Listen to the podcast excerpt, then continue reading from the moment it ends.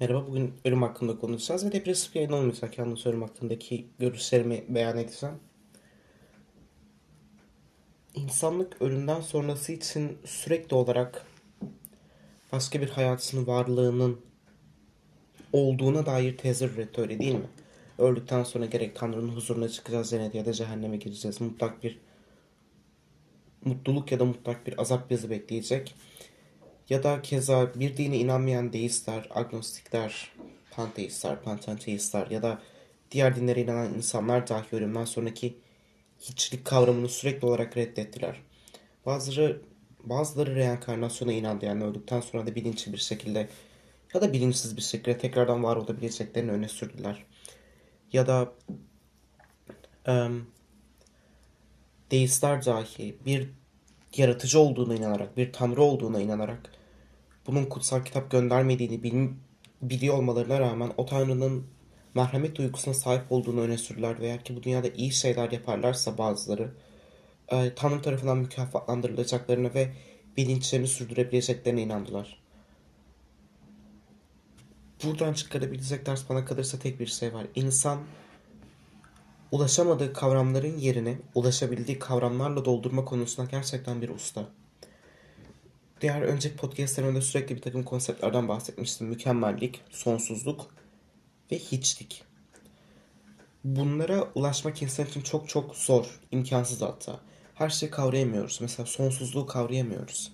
Mesela matematikteki sonsuzluğu dahi, dahi kavrayamıyoruz öyle değil mi? Sonsuzluğu ikiye bölersek tekrar elde ettiğimiz şey sonsuzluk olur ya da sonsuza kadar yaşayacağımızı söylersek bu insan için kavranması imkansız bir şey olur öyle değil mi? Çünkü zihnimizin sınırlarını bilmemekle beraber en azından bir sınır olduğunu biliyoruz. Evet doğru o sınırlar nerede bitiyor, nerede başlıyor bilmiyoruz ama bir yerde var olduğunu biliyoruz. Ve bu sınırların dışında kalıyor açıkça bu bahsettiğim üç konsept. Hiçlik, sonsuzluk ve mükemmellik. Mesela öldükten sonra cehenneme gideceğiz der mesela. Eğer ki, eğer ki kötü şeyler yaparsak cehenneme gideceğiz der mesela Kur'an-ı Kerim öyle değil mi? Ve ne der mesela? Cehennemde sonsuza kadar kalacaksınız der. Bunun üzerine bazı tartışmalar var. İşte kimisi cehennemde cezan çektikten sonra cennete gideceksin falan filan ama e, temel olarak cehennemin sonsuz bir azap yuvası olduğu yönünde de bir takım görüşler var.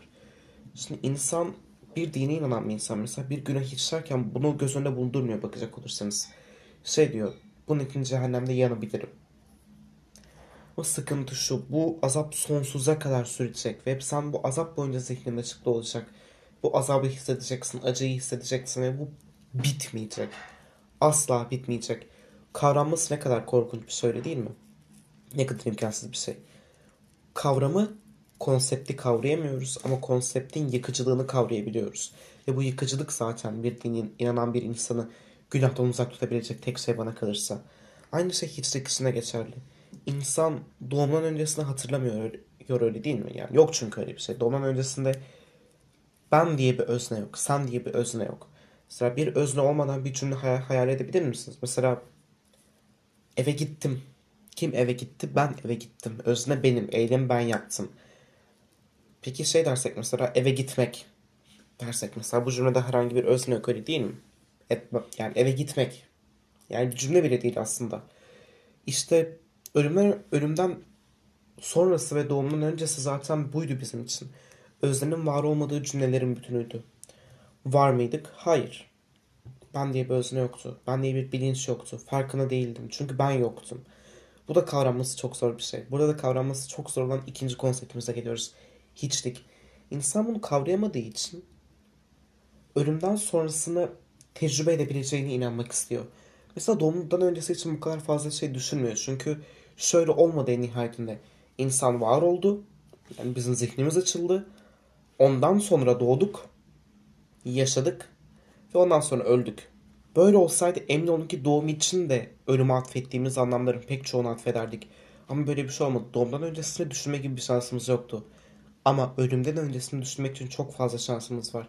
Ve bunun üzerine çok fazla kafa yoruyoruz. Ve vardığımız yerin şu gerçek olması bizi ürkütüyor aslında bakacak olursanız.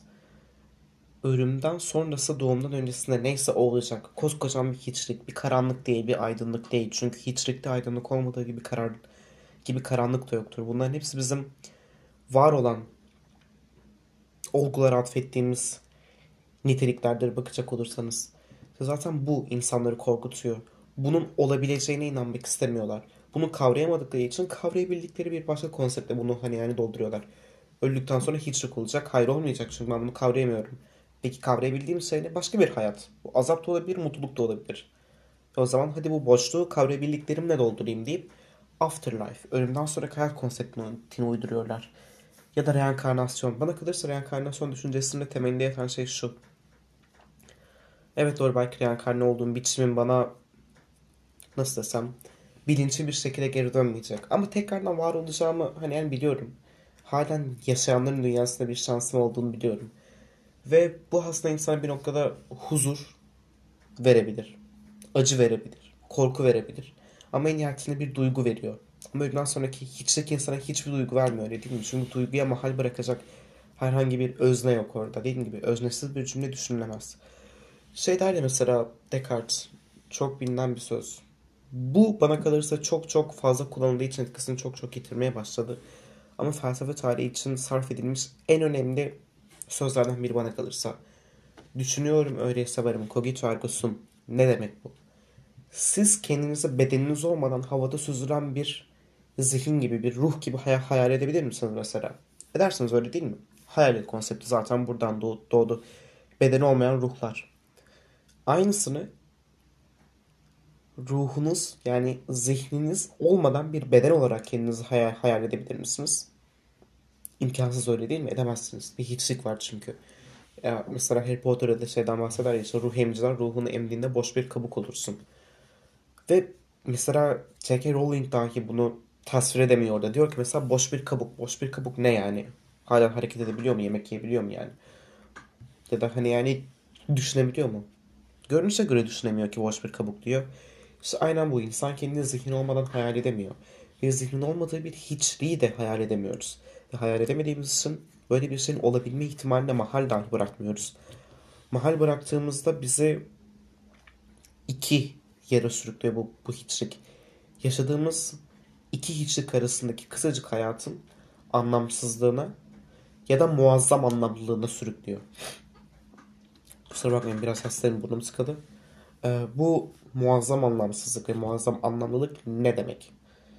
Siz bu durumda şey deme hakkına sahipsiniz. Öldükten sonra bir hiçlik olacak ve yaptıklarımın hiçbir anlamı kalmayacaksa bundan aldığım her nefes benim için hiçbir anlam ifade etmiyor ve aksine fiziksel bir ızdırap doğuruyor. Çünkü efor sarf etmek bir anlama bağlanmıyorsa aslında bakacak olursanız ızdıraptır. İnsan bunu kavrayıp bir nihilist olmayı tercih edebilir. Ve hayatın mutlak anlamsızlığına çıkabilir. İkinci yol hedonist olabilir, varoluş olabilir. Ki hedonizm ve varoluşun bir çeşididir. Hedonizm varoluşun ilkel bir çeşididir hatta bana kalırsa. Ee, ve bu durumda hayat sizin için bahşedilmiş bir lütuf olma haline geçiyor. Mesela kamu şey der ya, hayatı kucaklamalıyız. Tam olarak bu kelimeyi kullanır yanlış hatırlamıyorsam. Embrasser, hayatı kucaklamalıyız der mesela. Bunu da şöyle der, hayat anlamsız evet. Ama bu durumda benim hayattaki yalnızca zevklere odaklanmam lazım. Ve bu noktada hayatı kucaklayarak ondan zevk almayı öğrenmem lazım. Bana kalırsa çok ilkel bir düşünce bu. Ee, lakin bakacak olursanız gerçekten bu durumda hayattan alabileceğiniz zevki, mutluluğu maksimize edebilmek için hayatınıza verdiğiniz değeri de maksimize etmeniz gerekiyor. Ve değeri maksimize ettikçe hayatın anlamlı olması sizin için daha da olası hale geliyor. Gittikçe daha fazla anlamlı hale geliyor. İşte bu iki noktadan birine çıkmak dini reddeden bir insan için en önemli soru aslında bakacak olursanız. Bu iki noktanın çıktığı ortak küme şu aslında. Yine kamuya geliyoruz. İntihar felsefenin en önemli problemidir. Kendimi mi öldürmeliyim yoksa bir bardak kahve mi içmeliyim? Yani gerçekten öyle. Gerçekten bakacak olursanız böyle. Çünkü ölümü dolduramıyoruz. Doldurabildiğimiz tek şey hiçlik ve hiçlikte var olup olmaması tartışmalı bir mesele. Yani çünkü bunun öncesinde Özgünler ontoloji yayınımda bir yazdığım bir metni okumuşum hatırlarsanız. Var olmayan hiçbir şey yoktur gibi bir şey demiştim. Her şey vardır demiştim. Üzerine konuştuğumuz her şey bir şekilde vardır demiştim. Bu durumda hiçliğin var olduğu ön kabulüyle hareket etmemiz lazım. Hiçliği var olarak var olarak kabul ettik. Ama bu durumda şöyle bir şey denilebilir. Hiçlik var. Peki hiçlik anlamlı mı? Görünüşe göre anlamsız öyle değil mi? Çünkü üzerine herhangi bir nitelik inşa edemiyoruz. Hiçlik böyledir, hiçlik şöyledir diyemiyoruz. Peki anlamsızlık burada başka bir nitelik mi? Burada işte hiçlik bana kalırsa kavramı muazzam bir istisna olarak ortaya çıkıyor. Biz bugün var olan her türlü nesneye, konsepte, olguya anlam atfedebiliyoruz.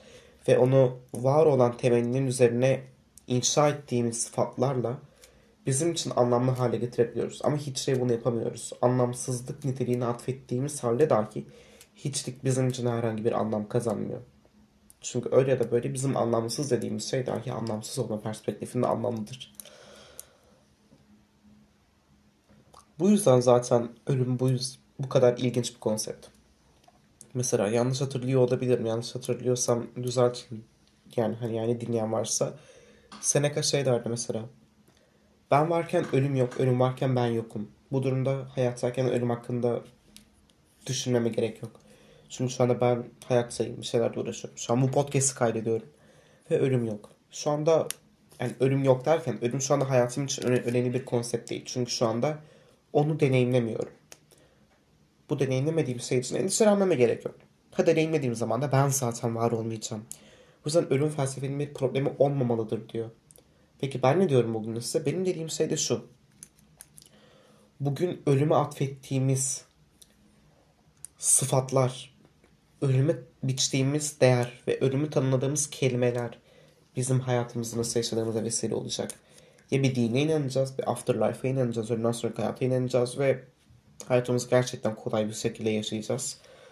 Um, yine Hilist olacağız ki o da beraberine pek çok farklı sorgulamayı beraberine getirir ya da varoluş olacağız ve o da beraberinde emin olun ki nihilismin getirdiğinden milyonlarca kat daha fazla sorumluluk ve soru getirecek. Arkadaşlar söyleyeyim gerçekten önemli bir konsept ama. Ama burada şeyin tanımını çizmek çok saçma geliyor bana. Ölüm nedir? Ölüm ölümün ne olduğu gerçekten önemli değil. Ölümün akabinde bir şey var mı yoksa yok mu? Buna karar vermemiz lazım. Ve bizim var olduğuna inandığımız ama üzerine bir şey diyemediğimiz kavram olan hiçliği ölümden sonrasında atfettiğimiz takdirde buna kadarsa bu durumda ölüm hakkında sorulan bütün sorulara yanıt vermiş oluyoruz. Daha fazla üzerine ikinci, üçüncü bir düşünce geliştirmeye hani yani gerek yok. Hiçlik diyeceğiz. Bunların kabulünü alacağız. Eğer ki bir dine inanmıyorsak. Hiçlik diyeceğiz. Ön kabulünü alacağız ve akabinde hayatımızı buna göre inşa edeceğiz. Ya da ya da etmeyeceğiz eğer ki nihilizsek.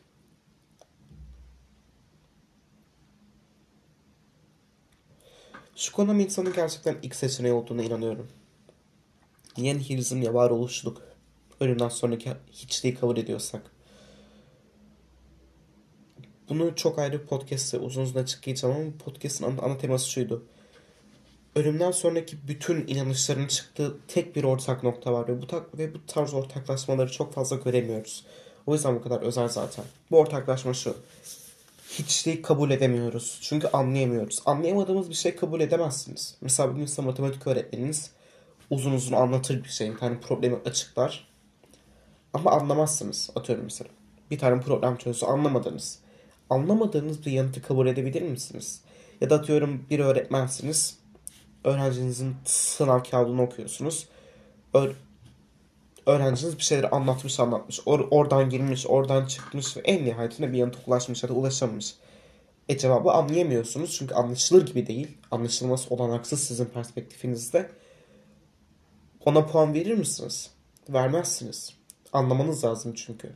Onu kabul etmezsiniz o yanıtı. Aynı şey. Hiçliği kavrayamıyoruz.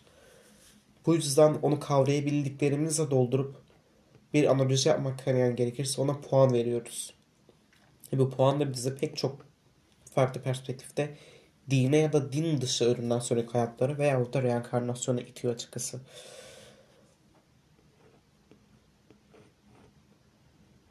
Hiçliği kavramak bu yüzden imkansız ama üzerine düşünülmesi gereken bir şey. Çünkü akabinde ulaştığımız sonuç bize hayatımızı nasıl yaşayacağımıza rehberlik edecek olan sonuçtur diyorum ve podcast'e son veriyorum. Kendinize iyi bakın sevgili insancıklar.